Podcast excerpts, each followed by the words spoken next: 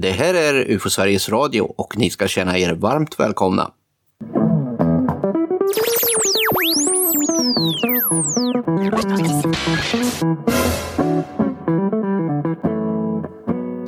Vid mikrofonen idag har vi Johan Gustafsson och Tobias Lindgren och idag har vi tänkt att prata lite om ett projekt som ganska nyligen har avslutats, skulle man kunna säga va?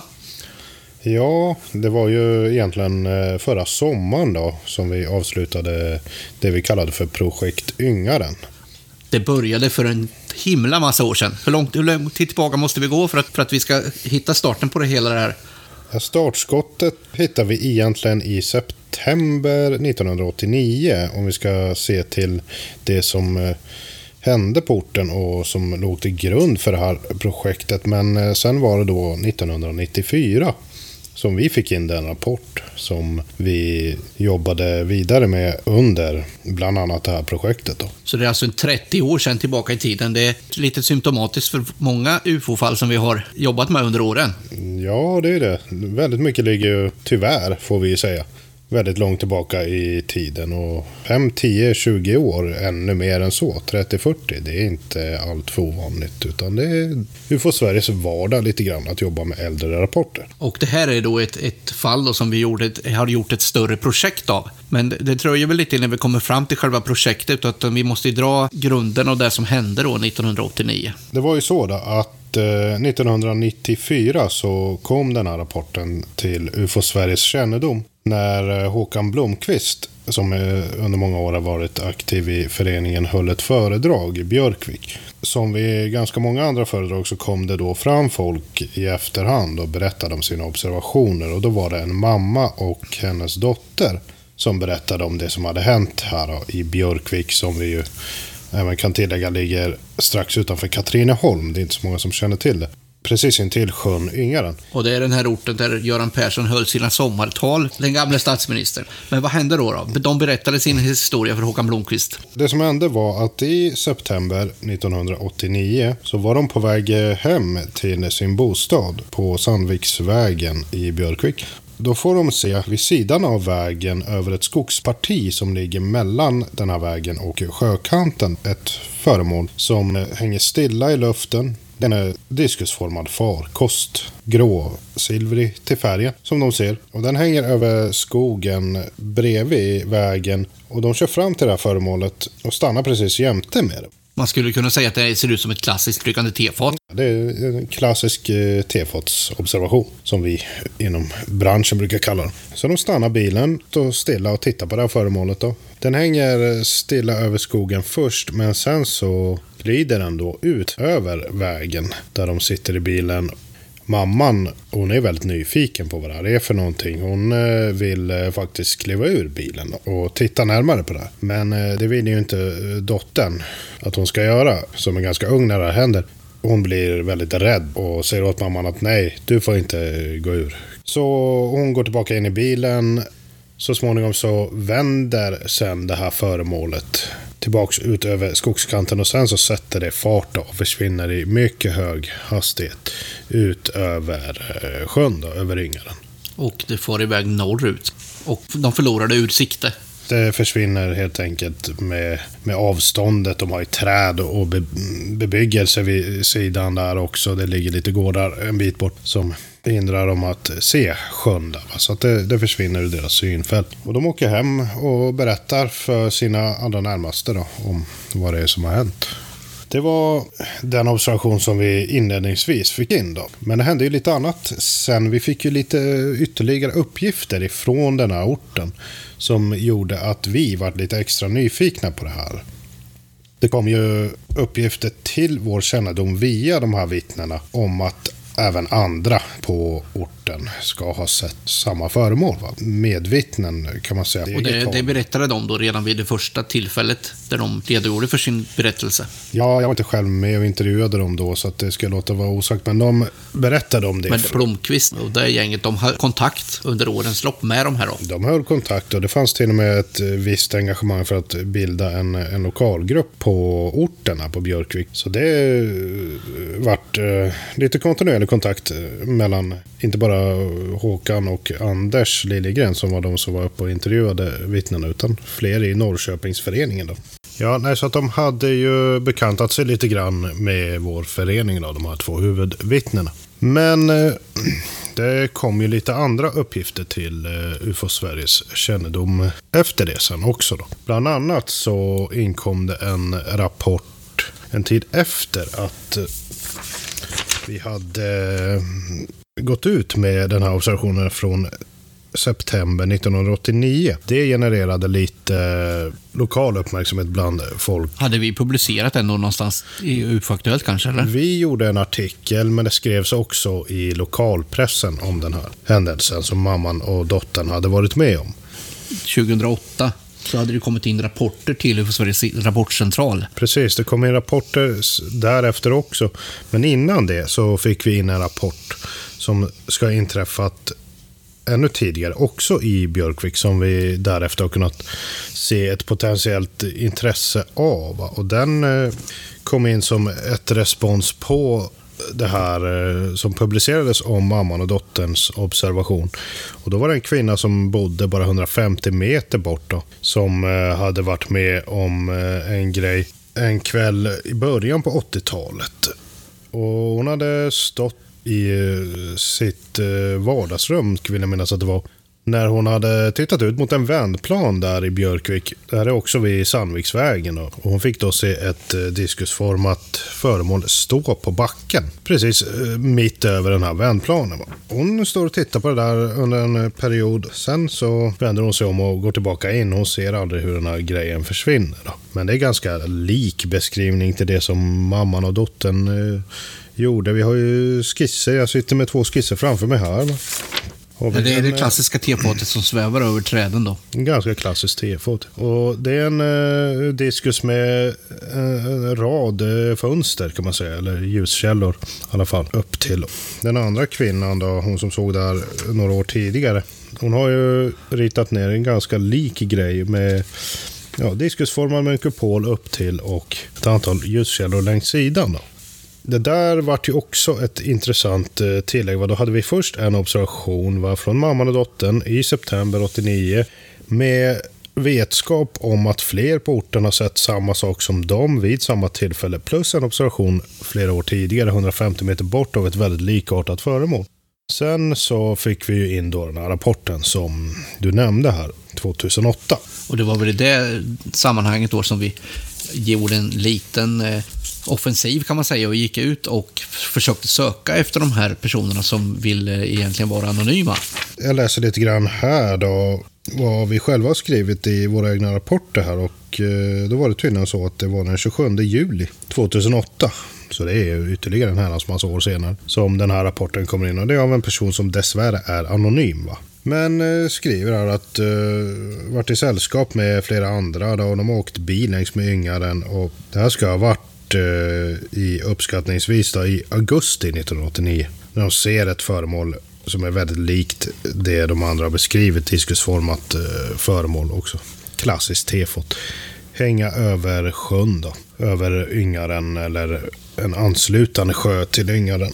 Ja, det var väl i den här vevan som jag själv var engagerad i fallet på så sätt att jag var med i Riksradion och gick ut med någon sorts efterlysning efter de här personerna för att få in de här vittnesmålen. Då. Vi har ju gjort några försök då genom åren. Det har gjorts försök med hjälp av vittnena själva, de här huvudvittnena då, mamman och dottern, att förmå de andra som ska ha sett det här samtidigt att eh, vilja prata med oss. Men de har inte velat eh, ge sig till känna. Du gick ut i radion eh, och efterlyste fler vittnen, inklusive det här anonyma vittnet då, som vi ändå ville komma i kontakt med. Det har inte lett någonstans. Vi har inte fått in de här Nej. andra vittnesmålen. Jag har till och med fått höra att, att folk har sett saker från andra sidan sjön också. Har eh, sett att det har kommit upp saker och det har kommit ner saker i vattnet faktiskt i den här sjön. Dock från anonyma personer då, som vi inte heller vet vilka de är. Ja, nej, det finns väldigt mycket uppgifter och ja, allt från eh, andrahandsuppgifter till ren hörsägen kan man väl säga ifrån det här området. Så därav det här dörrknackningsprojektet som vi nu genomförde sommaren 2018. Det vart ju lite sorti på stämningen då i det här fallet på grund av att det inte kom någon vart. Ja, det vart ju lite att vi stod och trampade vatten år efter år och vi gjorde vissa försök att komma vidare men ja, till slut så stod vi där. Att, Antingen lägger vi ner eller så gör vi något av det ordentligt och Ja. det var då vi slog, gjorde slag i saken och vi gör ett projekt av det. det var väl lite grann att eh, nej, nu får vi göra en sista insats med eh, de här fallen och se om vi ändå inte kan hitta de här vittnena. Och det som återstod var helt enkelt att åka upp och försöka knacka på så många dörrar som möjligt som fanns på orten. Och då är vi framme vid den 25 augusti 2018. Det var då vi genomförde projekt Yngaren. Det är inte första gången vi är ute och knackar dörr kan vi ju tillägga. Värmland två gånger, eh, Småland en gång, Kolmården en gång. Ja. Ja. Så det var femte projekt. Och det, det föregicks ju av en väldig eh, research och mycket planering för att kunna genomföra det här projektet. Man gör ju inte ett dörrknackningsprojekt hur som helst, utan det måste planeras, det måste eh, fördelas eh, folk och man måste ha folk till att börja med. Det ska vi ju understryka att det var ju ganska många som deltog. Eh, Vi var ju drygt tio personer som var ute och knackade dörrar. Så ska man åka ut dit och arbeta en hel dag. Det tar lite jobb och tid. Sen kommer allt efterarbete. Ja, nej, det är väldigt mycket som ingår i ett sådant här projekt. Förarbetet är bara en liten, liten del från man kommer på idén till, tills den är helt genomförd. Ja, men det är produktivt arbete. Det är ju sånt vi försöker ägna oss åt. Och vi lägger ju ofta ut riktiga, vad ska man kalla det, bombmattor av mediabevakning och de känner redan till oss när vi kommer och knackar på kan man säga. Ja, vi vill ju inte att de tror att vi är några helt andra. Det är bra om vi har annonserat vår ankomst innan vi dyker upp. Och det lyckades vi ganska bra med. Det fick ganska så stort gehör, våra mediautskick. Så jag tror att de allra flesta var medvetna om vilka vi var. Och, Jag hade väl ett par som, som trodde att det var Jehovas vittnen först. ja. Men det visade sig att de skämtade med oss. Eh, nej, vi hade väl inte så många sådana vi heller i min grupp. Enstaka eventuellt som inte kände till oss. Annars var alla väl införstådda med att projektet skulle genomföras. Så hur gick det då? Ska vi gå igenom lite resultat ifrån det här? Ja, vi kan ju berätta lite om hur det gick tillväga först här med att vi delade upp orten i, eller små områden kan man säga. Hur många grupper var vi nu? Det var i fem grupper och då hade vi delat upp själva orten Björkvik i tre områden och sen ett norr om och ett söder om. Och det här projektet var ju ett lite mindre projekt som skulle kunna genomföras på en dag. Och då var ju syftet då att vi skulle ha en, en visst antal dörrar att knacka och försöka hinna så många som möjligt. Ja, och då hade vi ju då delat upp projektdeltagarna i olika grupper då som blev delgivna i ett visst område för att då beta av varenda dörr och knacka så, mycket som möjligt då. Och vi hade ju valt datumet 25 augusti för att semestrar och sånt har lugnat ner sig och folk har kommit hem. Och eh, Det var en lördag också, så det kändes ganska lämpligt sådär. I, under sensommaren, slutet, när folk har kommit tillbaka från semestern och är hemma och pysslar med sitt. Vi gick runt. Tre utav grupperna var vi väl som var inne i själva Björkvik. Två utav dem åkte runt och Yngaren. Det var ja, vi hade ju tänkt åka runt men vi hann inte så långt. Utan, Nej, ni gjorde men vi, en, ena gruppen där jag var med började ju norrut och en annan grupp började ju söderut. Ja, ni kom väl knappt runt eh, den här änden på sjön och kunde vända. Nej, nej, vi kom inte ens så långt. Det är som en halvö norr om, norr om själva Björkvik och den hann vi beta av då. Ja, det tog eh, längre tid än eh, förväntat, men så brukar det vara när man ska göra sådana här saker. Det är alltid lätt att sitta vid skrivbordet och uppskatta hur lång tid allt ska ta. En Ja, sen vill man ju också kunna ge de potentiella som man pratar med där att eh, de ska kunna få prata helt fritt. De måste få möjlighet att prata av sig lite grann. Jag började ju med min grupp eh, vid eh, självaste Sandviksvägen då, där allt det här har ägt rum, eller mycket utav det i alla fall. Och jag tycker att projektet varit väldigt lyckat. Det var väldigt intressant. Vi fick väldigt många positiva svar. Va? Många som hade sett saker och ting. Och så... Var det många som kände till fallet och från platsen precis där det hände? Ni knackade de dörrarna precis i närheten. Jo, precis. Nej, men det var eh, lite olika. Många hade ju flyttat dit i efterhand, då, efter 89. Men eh, vi träffade flera stycken som kände till de här huvudvittnena och hade varit bekanta med dem eh, personligen. De har ju själva flyttat därifrån nu. Det var minst ett, en handfull eh, grannar som hade bott där ända sedan dess som också kände dem. Och det var nog ännu fler som eh, hade bott där när det här hände. Då. Så att det var flera potentiella medvittnen Och till de här kände som- till händelsen sen tidigare då. Ja, de flesta av dem gjorde det. Nu blev de ju naturligtvis påminda för att vi hade gått ut i media och berättat om det. Vi började ju själva med att åka ner till platsen och göra som en liten... En vallning i området där eh, det hela hade ägt rum också för samtliga projekt. Som en liten rekonstruktion där innan. Ja, för alla projektdeltagare så att de skulle veta vad, det, vad de gick och knackade dörr om. Va? Det är viktigt att vi kan berätta för folk vad det är som har hänt och så när de frågar. Och sen så spred sig grupperna ut över bygden där och började knacka. Och hur många hann vi knacka ungefär? Ja, hur många dörrar knackade vi? Jag har skrivit ner en siffra här. Jag antar att den stämmer eftersom det är jag som har räknat ihop den. Totalt antal tillfrågningar inom dörrknackning blev 178 stycken. Och det är ju då i hela det här området. Va? Det är i Björkvik och längs med sjön ut med norrsidan och sydsidan av sjön. Så tillfrågade vi 178 personer. Och vad var frågan då som vi ville få reda på? Ja, det kan vara lite viktigt att understryka att vi frågade inte folk såg ni ufot i september 1989 utan vi frågade ju naturligtvis om de hade sett eller varit med om någonting överhuvudtaget som de själva inte kunnat förklara. 17 utav de tillfrågade hade sett eller varit med om någonting som de inte själva kunde förstå vad det var för något. Det är eh, totalt 9,6 procent av de tillfrågade. Och det är en siffra som vi har sett eh, tendenser till tidigare också när vi har gjort liknande projekt. Det brukar, brukar ligga runt en 10 sådär. Ungefär Plus runt minus. eh, 10 procent så. Vi har jämfört de här siffrorna ifrån eh, Yngaren med tidigare projekt. Och även om det diffar lite grann och vissa siffror avser bara eh, sånt som har hänt på orten och dylikt så ser vi att svaren är ungefär, eller svarsfrekvensen är ungefär densamma. Ja, 10 procent ungefär. Frågan har ju ofta varit den att vi frågar efter om de har varit med om någonting som de inte kan förklara. Ja. Så att frågan är ju ganska generell, så den har ju inte något ortsbundet i sig så. Nej, och det kommer ju alltid när man gör sådana saker observationer eh, även från andra håll. va. Man får inte bara in saker som har hänt där, utan vissa kan ha sett saker och ting nere i Skåne när de var små. Va? Och då får man in det också. Den första rapport vi fick in kom ju upp från Värmland av en kvinna som hade sett någonting för en herrans massa år sedan. Och det beror ju då på att media går ut väldigt hårt. Ja, Och det sprider sig ju också väldigt mycket. precis. Folk är medvetna om att vi kommer och då berättar de om sådana här saker som de har varit med om tidigare också. För första gången kanske, för Ja, och så poppar det upp.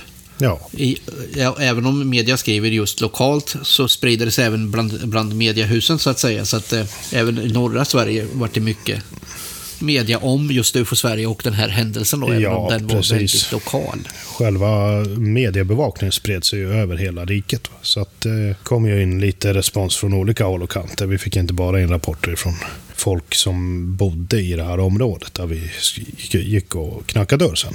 Och så fick vi inte bara in UFO-observationer heller. Vi fick in lite hemsökelsefenomen och dylikt. Och ni hade väl någon... Man, man får lite allt möjligt som sagt. Ja, vi, vi hade ju en... eh, En liten naturande... ja, natur, det var något småfolk som bodde under jorden kan man säga. De delade, de delade inte bostad kan man inte säga, men de delade parkeringsplats. Som den här damen hade ihop med de här underjordiska små varelserna. Ja, det är lite folkloristisk touch på det där. Det är sånt som också är värt att dokumentera. Ja, vi, kan, vi får ju in väldigt mycket olika saker. Och man ska inte tro att, att man är helt unik. För vi har ju hört det mesta redan som vi får in. Ja, så är det ju. Väldigt många tror att det de berättar för oss kan vara mer unikt än vad det är. Så är det ju inte. Utan vi har ju hört det mesta. Och då kan det ju då kännas hämmande hos en del att berätta det hela. Så att första anblicken när vi kommer och knackar så kan det vara så att nej, jag har nog inte det. Men sen när man får stå och prata en stund, då kryper det fram lite saker och det kan krypa fram jättebra historier och extremt intressanta händelser. Ja, ja, det såg vi ju flera exempel av när vi var ute. Pratar man bara en stund och visade sig att de hade visst sett någonting ändå. Även fast de svarade nej på den frågan inledningsvis. Ja, så man får inte ge upp det första man gör. Nej. Men eh, ska vi säga några ord om vad det var folk eh, hade sett då? För om vi betar av eh, primärfrågan först. Hittade vi de medvittnen som vi eh, sökte här? Det är ju tyvärr lite osäkert va? eftersom folk inte kommer ihåg datum och sånt där i efterhand. Va? Vi hittade åtminstone en observation som skulle kunna härröra från samma tillfälle som mamman och dottern. Då. Det var ett par. De var ute och gick vid eh, den här bensinmacken Q-Star som ligger i Björkvik idag. Nedanför den finns det en lekplats och där såg de som en lysande skiva då, som hängde i luften eh, i riktning mot Yngaren. De stod och tittade på den under en eh, period innan den gled iväg bortåt. Det är ju en möjlig koppling där. Beskrivningen har vissa likheter. Den är inte identisk men det finns en del som stämmer mellan de två fallen och tiden skulle möjligen kunna stämma. Eh, sen fick vi en andra observationer också. Ni stötte ju på någon kille där eh, vid någon gård en bit ifrån eh, Ja, trakten. han hade ju en, en, ganska intressant berättelse som utspelade sig så att de hade varit ute och åkt skidor på, strax efter jul. Han gissade, eftersom han inte kom ihåg datumet, så trodde han att det kunde ha varit 1987. Och då hade de åkt skidor på en liten kulle där. För han, han, han trodde att det var efter jul eftersom han hade fått skidorna i julklapp då. Så hade de åkt där och de blev väl trötta och de hade trillat ner kan man säga. Så att de låg i skidbacken och uppe, rakt ovanför deras huvuden, så svävar ett tefatsliknande tingest då, helt ljudlös. Mm. Och eh, de blir ju väldigt fascinerade naturligtvis. Och lite rädda då, de var inte så gamla, kanske 12-årsåldern. Och det här då hade då farit iväg in mot Björkvik och där hade det försvunnit bakom skogen kan man säga. Och hela himlen hade då blivit upplyst som som av solen, säger han, i den riktningen. Då, så att man vet inte vad som hände, men, men någonting gjorde att himlen blev ljus där. Ja, det är ju en eh, observation som eh, vi väl får betrakta som ytterligare en eh, observation av diskusformade föremål på trakten. För att tiden, att det ska ha varit på vintern och efter jul, stämmer ju sämre med den första observationen. En kul anekdot var ju däremot att han hade varit skolkamrat med dottern i, vid den första observationen i september 89. Sen fick vi lite smått färskare grejer också. Det beror på om man eh, betraktar tio år tillbaka. Men eh, Gustavsborg finns det en plats som heter eh, strax utanför Björkvik. Där var det en kvinna som kom körande som en bil 2009. Då. Och får se då hur det hänger över en korsning där. Då. Ett stort diskusformat föremål. Återigen diskusformat kan vi understryka. Mycket sånt ifrån de här orterna. Som hänger stilla då i luften. Hon uppskattar att det är på några tiotal meters höjd. Eh, storleksmässigt så tror hon att det är ungefär i stil med ett vanligt eh, bostadshus. Eh, vi stod ju intill några sådana när hon berättade om det för oss. Och det var ganska så ordinära villor där, inga gigantiska herrgårdar. Utan tänk er ett vanligt bostadshus. Och den hänger stilla i luften där under åtminstone någon minut. Sen så sätter den fart och sticker rakt uppåt. Och då går det mycket fort. Va? Den här kvinnan säger att det, det går på bara ett ögonblick när den sticker iväg. De kom körande i bil sa du? Ja, det var bara hon. Hon var själv. Och hon kom körande i bil. Hon stannade bilen men hon klev inte ut. Va? Hon kunde inte höra någonting? Nej, hon hörde ingenting. Men hon såg flera ljuskällor då, på det här föremålet. Eh, på lite liknande sätt så som som de såg på det här föremålet i september då, 1989. De som känner igen orten vet ju också att det fanns en flygplats i närheten av Björkvik förut, en eh, militär flygbas. Mm. Vet vi när den lades ner?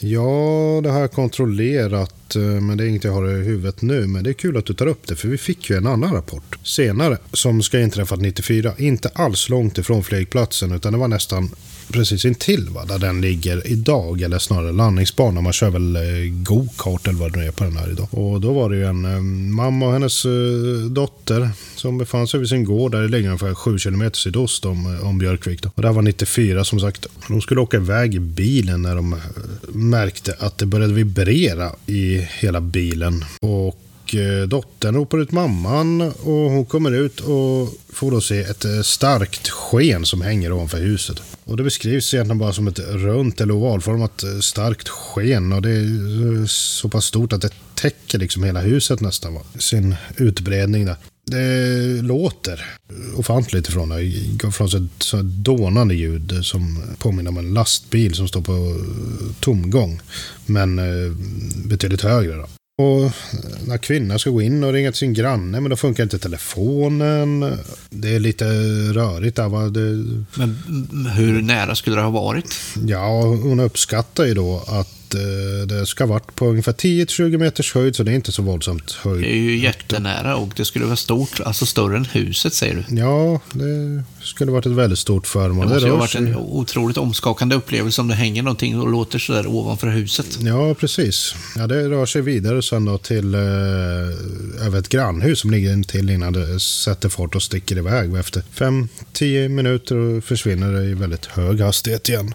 Ja, det är väl några av de observationer som vi fick in därifrån trakten. Det kom ju in eh, fler. Det kom in eh, 17 eh, rapporter. Alltså allt under själva dörrknackningen. Sen kom det ju lite mer då. Ni åkte ju på ytterligare en som inte kom genom dörrknackningen utan han ringde ju den här killen på skidorna. Och det var lite andra sådana observationer som också kom in. Vi fick ja, ytterligare en rapport av sådana här diskusformade föremål inte långt från Björkvik nu när resultatet av eh, vårt Ja, för det ligger ju kvar i folks medvetande en stund. Ja, den... Eftersläpar ju lite grann så att det tar inte slut bara för att vi åker därifrån. Nej, utan det finns alltid fler som har någonting att berätta. Den här kvinnan som berättade om senaste observationen, hon hörde av sig först när vårt resultat publicerades.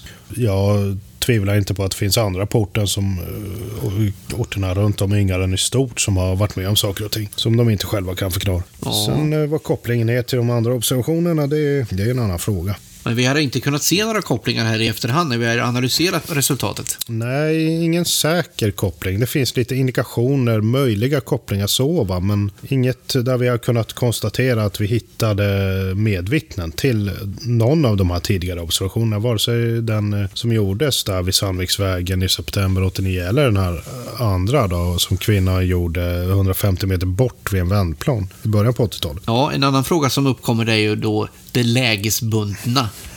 Kan, har vi sett någonting som gör att det är lägesbundet, att det är platsbundet i just Björkvik? Varför har det hänt där? Ja, precis. Det där har ju gnagt lite grann hos mig när jag har jobbat med det här. För jag tycker mig ju se att det är ganska så många likartade rapporter inom samma område. Förvisso utbredda över ganska så lång tid. Men på en så liten ort som Björkvik så tycker jag att det är intressant att det är så många rapporter ändå som det är av just de här diskusformade historierna.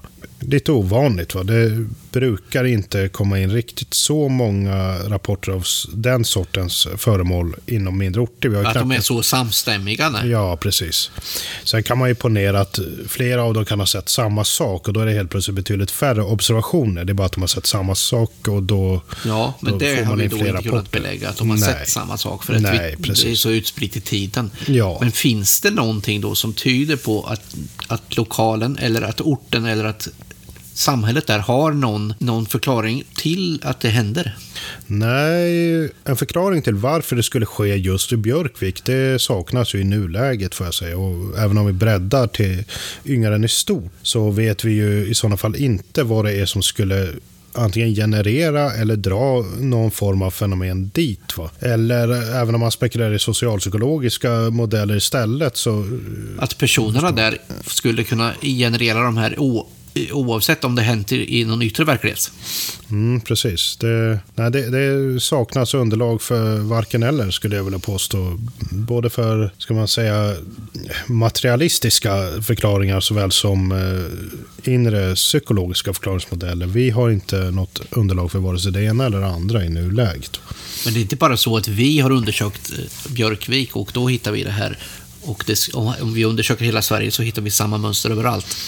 Så skulle det ju kunna vara. Va? Vi har ju inte gallrat de här siffrorna eh, som vi har fått in, eller det här resultatet som vi har fått in ifrån Björkvik så pass utförligt att vi kan utesluta att det är mer av en slumpverkan. Men vi har ju knackat dörr på mindre orter av liknande omfattning tidigare. Vi har fått de 10 procenten i svarsfrekvens av folk som har varit med om någonting. Men vi har inte fått eh, samma koncentration av diskusformade föremål inom samma begränsade område. Det är inte vad jag har uppfattat när jag har tittat i dem. Det har varit en mer diversifierad flora av mystiska och oförklarade fenomen. Ja, precis. Ja, Finns det några då ytterligare slutsatser som man ska dra av det här, eller som man kan dra av det här projektet?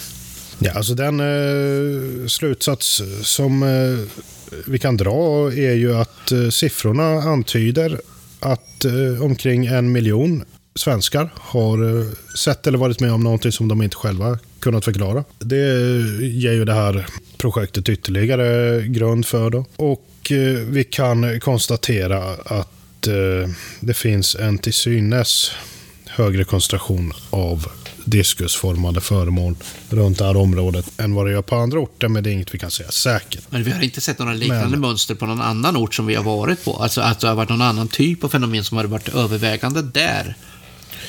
Nej, inte riktigt. Det har varit lite tal om de här trianglarna i eh, sydöstra Sörmland där vi har varit och knackat. Ljusklot nere i Småland där vi också har knackat. Men jag har inte riktigt sett de mönstren som lika utbredda på de orterna när jag har gått igenom det materialet. Så jag När vi, var, när vi hade det här projektet som var i Kolmården, då var det ju nästan så att vi letade lite efter de här trianglarna eftersom det hade varit ett, ett uttalat historiskt sett att det skulle vara ett, ett fönster i Kolmårdstrakten där det har varit många Många trianglar. Ja, det gjorde vi ju. Men eh, om jag nu minns det hela rätt så fick vi inte in en enda triangel under hela projektet. Nu är det några år sedan vi gjorde det där och jag har inte siffrorna färskt i minnet. Men jag är ganska säker på att vi gick helt bet på den punkten.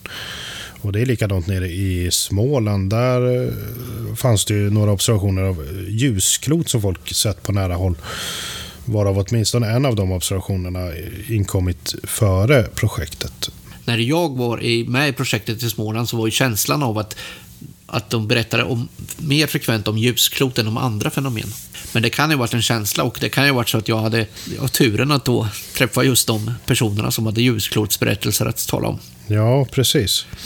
Ja, jag har gått igenom alla rapporterna som kom in under det som vi kallade för projekt Mien. Då, och jag tyckte inte att det var fler ljusklot än någonting annat. Utan det var, det var ganska så spritt där också. Men det kan ju som sagt varit en känsla då att den gruppen jag var med i hade, hade den turen då, eller vad kan man säga, att Precis. få mer träff på just ljusklot. Så, så kan det ju vara. Och det kan ju vara lite liknande här. Va? Vi har inte så pass brett underlag att vi kan säga säkert att det är någonting extra med Björkvik eller Yngaren. Utan det skulle krävas betydligt mer arbete för det. Så, så mycket närmare någon säker slutsats än vad vi har sagt här har vi väl inte riktigt kommit va?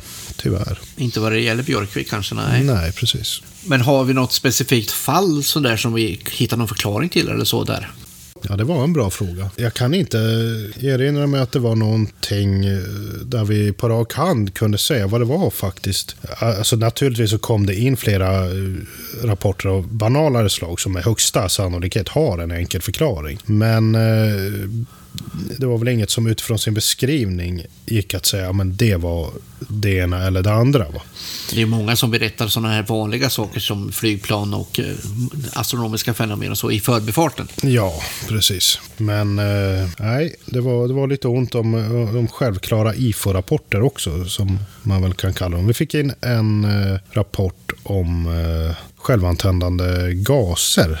Det kommer jag ihåg nu. Det var någon som hade suttit och tittat på någon eh, stubbe ute i skogen och så hade det kommit upp sådana här flammor eller ljussken ifrån det. Och då är det eh, olika gaser, då, metangas och annat eh, ur backen då, som självantänder när det frigörs och kommer i kontakt med omgivande atmosfär. Och det är väl inte speciellt vanligt att man har turen att få se sånt. Nej, jag har aldrig sett det. Nu har inte jag varit så himla mycket ute i skog och mark, men det, det kallas för irrbloss i lite så här folkloristiska avseenden. Det är nog ganska så ovanligt att folk ser sånt. Va? Det brukar vara dött organiskt ma- material som myrar och, och träsk och sånt där. Va?